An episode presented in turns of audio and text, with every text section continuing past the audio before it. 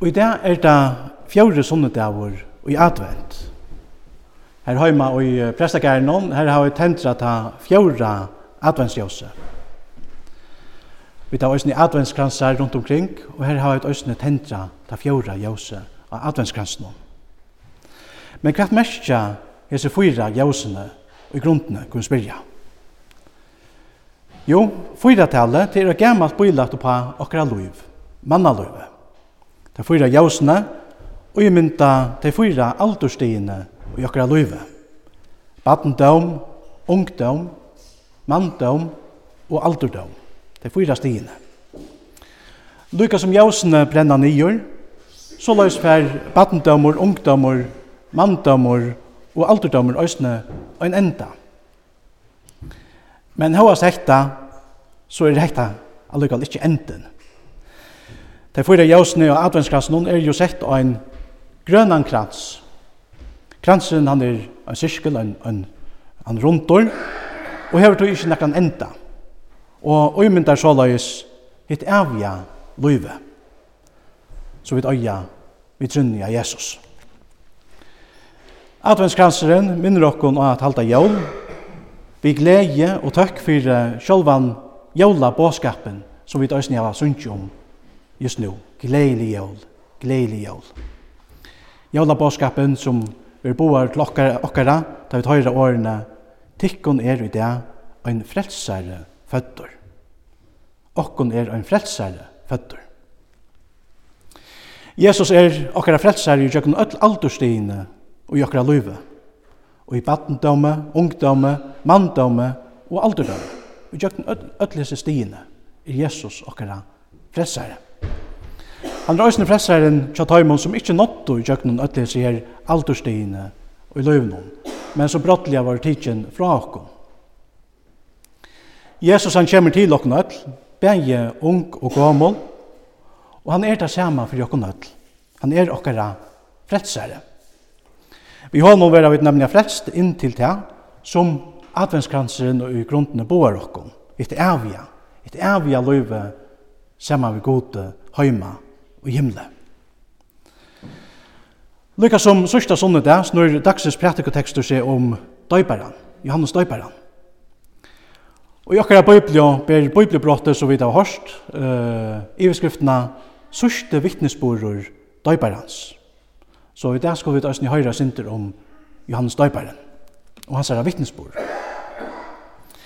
Og jeg husker at vi kunne lære nekva hans er eimukt, til han som en staurur vekingar pratikantor i Israel stilla seg sjálvan til sujes og poikar av Jesus og sier han øyre at veksa, men er at minka, sier han. Da vi leser hina sørste bøtjena i Gamla testamentet, Malaki, så leser vi at Gud sier «Sui er sendt til Elia profet, av en herrans mikle og øyelige daver kjemur». Men så igjen kom om lai 400 år vi profetiskare tøgn, kan vi sija.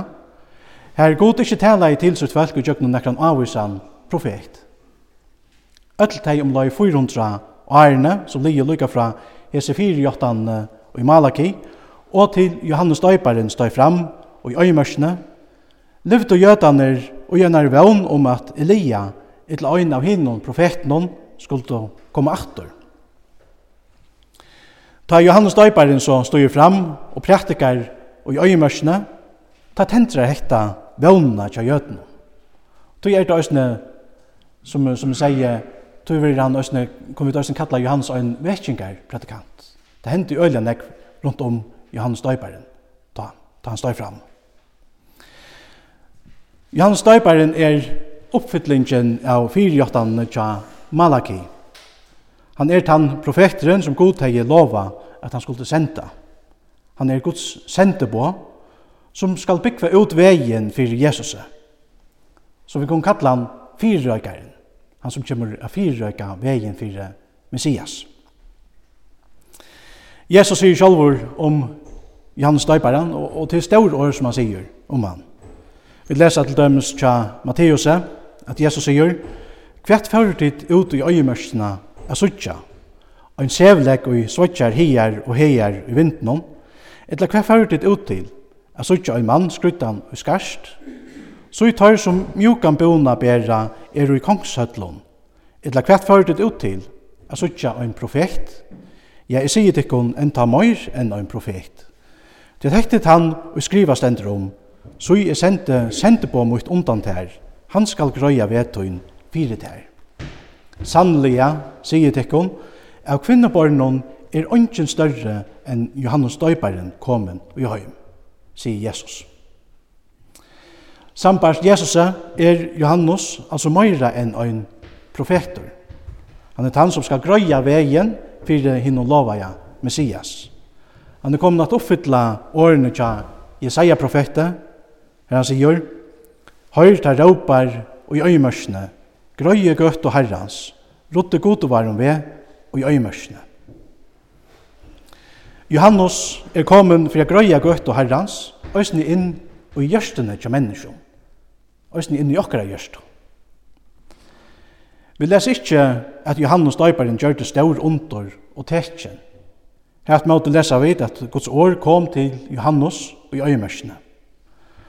Og så gjerne lesa vi at han styr fram og prætika Guds år og sier, vend i om, til at himmelrykje er en hånd.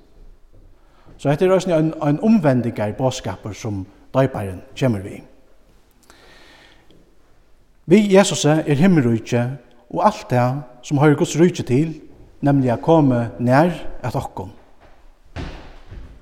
Tu sier han etter vend i om til at himmelrykje er en hånd. Vi Jesus er vera Guds lyfter i gamla testamentet oppfyllt. Lyfter som røkker helt aktor til der første søgner i akkurat Biblia. Etter syndafattle og i eten sier god nemlig av i djevelen, hvis vi blir for aktor i byrjana i Biblia. Så leser vi og i tredje kapitlet i første mausbøk, God sier vi djevelen, og jeg setter fjandskap mittlen til og konene, mittlen avkom tukt og avkom hennara, Det skal morla høver tøyt, og du skal byta det i helen. Hesen teksteren verður verður øysen kallar for prott evangelie. Prott evangelie. Til at dette er så, så å si prototypen på evangeliet, et la hitt fyrsta evangeliet som vi tøyra og møtta og i Bibelene. Så her leser vi altså av første sinne om avkomme som skal morla satans høvor og her vi øysen i alt hans er valgt. Det at da høtte vi morla, så er valde morla, kan man sige. Avkomme, sipar nemlig til Jesus og hans er fullkjørte frelsegjerning for jokken av Golgata. Og dette ble jo et øsne sindsjå om apostel, og det reflekterer øsne det som Jesus gjør det for jokken av Golgata. Da morla jeg satans høver. I største krist sløyt deg hans bånd, og dretjen vunnen vær. Dretjen vunnen vær. Guds ståra frelse og atlan, vers 6 versk, da god sier vi atterfeiren Abraham, fer bostur ur landetøynon fra atterfølgetøynon og ur huset feirstøyns til ta landet og eman viset herra. Jeg skal gjøre det til Mikla Tjau og var sikna til, så at du verur navnframur og til sikningar. Ja, teg jo var sikna til, men er vel sikna, og tei og bia ilt fyrir tær skal e banna. Allar atter gjerrarinnar skulle få sikning av tær, sier god. Sætten over hekta òsne understryka ta god sier vi Abraham, og av avkommet tøynon skulle allar atter av holdene få sikning. Hentan fyrjottanen vil òsne utlagt av Paulus og i Galatrabraunon, her han mittel anna sier, Men nu var då fyra jottanar, djuvnar Abraham og avkom i hans herra. Det stender ikkje og avkom om, så var det fløyre, men og avkom i tøynon, lukka som ta og i om øyn er at tala, og til Kristus. Som gjøte visste Paulus vel at dette her lyfte i første syfte og sipa til Kanans land, som god til lova etterkommeren til Abraham. Men han visste i øysene at dette ikke var det øyneste som lyfte seg bare til. Paulus visste at det lova i landet og avkomme som skulle få til i arv, øysene heie en andelig tøytning. Så det handlar ikke bare om landet, men øysene så heter øysene en, en andelian tøytning etter her. Formallet ikke god var ikke øynene som gjør jødene kan kanans land, men øysene var det frelse og sikning til öll tei som tryggva av Jesus. Hetta lyfte er òsne en kjattne påskapur og i Nudja testamentet. Her er Jesus nemlig sattur i jævsnån av Guds lyfton og i Gamla testamentet. Så det samanhenger mittlen Gamla testamentet og Nudja testamentet. Og hetta er òsne årsøkjen til at Johannes vittnar om Jesus og sier Jesu årene, kjente årene, så Guds lampe som ber sint hømsens, sier han. Suikos lampe som ber sin tømses. Men hva kallar Johannes Jesus fyrir Guds lamp? Jo, det gjør han, til at han ser Jesus som i sanna påskalampe, som påskalampe og i Gamla Testamentet vittna jo, la pojka i framme med oss. i Gamla Testamentet lesa vi om hvordan jødene er førre, eller var trealer i Egyptalandet. Og vi lesa òsni om hvordan god sendte tutsi plavor iver faro og hans folk, for å bjerga Israels folkje ur tala traldomme. Vi vujkjande tog sørste plavene, sier god, og i natt ville fære om Egyptalandet, og drepa allar fromborer i landen, begge av mannen og djauron, og fettla døm iver allar godar Egyptalands. Jeg er i Herren. Stendet da. For at jødene ikke skulle være rakter av hese plavene, ble godar slakta et lamp, og smyrja lampsets blå av dora og dora treie av tørre husen. Og så igjen leser vi at god sier, blåe skal være tikkun tekjen av tørre husen som tid er roi, og ta er så ikke blåe skal det være om tikkun. Plavan hun kom og rakte kvart hus som ikke heie lampsens blå som tekjen men ongen døye av min husen, her blåe være suttja, av dora stavn. Lukka som Lamses blå var fredsotekne tja jødnon og i Egyptalandet, så løys er Jesu blå og i okkara fredsotekjen og grunnene.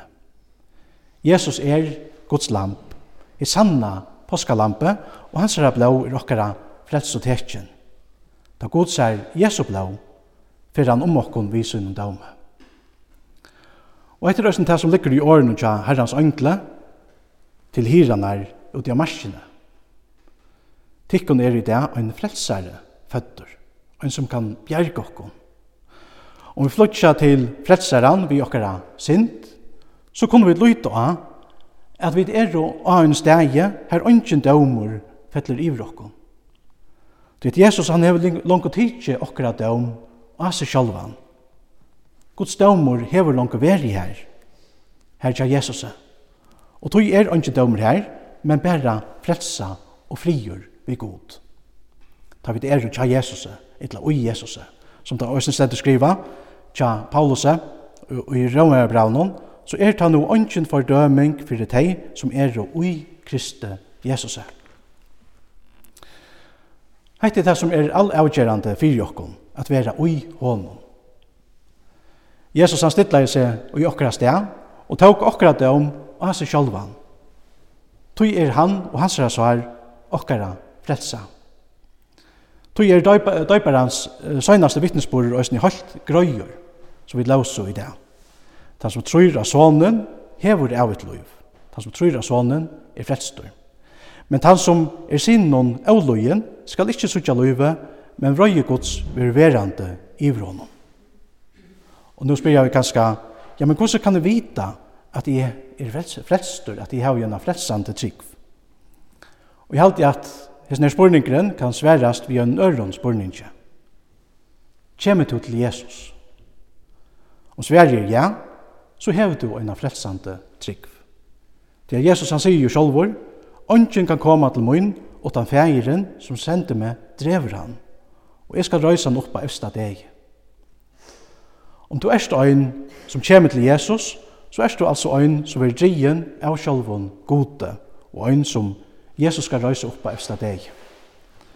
Men om du her at du møter ikke erst kommet til Jesus, så kan du høyra Jesus kallande rødt, ta han sier, kom i hier til moin öll tid som arbeida og genga under tungum byrån, og jeg vil veita tikkun kvilo. Det er det som han så gjerna vil gjeva okkur, så inna ekno kvilo. Og etter grunden er det som vi minnast og i adventstøyene, og det som vi tar til halta av jævlen. Okkon er ein frelsare føtter. Tøy synkja vi gleilig jævl, gleilig jævl. Han kjem til okkon, han tekker alla okkara syndabyrå og hans sjálvan, og bjauar okkon fri vi god og evigt loiv heima, tja gode, heima i og himle. Og tog er det òsne at vi kunne synkja så som vi fyrir synkja nå om en løfta, Eitt navn av folk av öllum ber, ta dyra Jesu navn. Du sært og sal, ta grøying er, du trøyt og kvildar havn. E boa vil du dyra navn til sørsta anda drott, og leta lysa mer i havn, heim djøknun deians nått.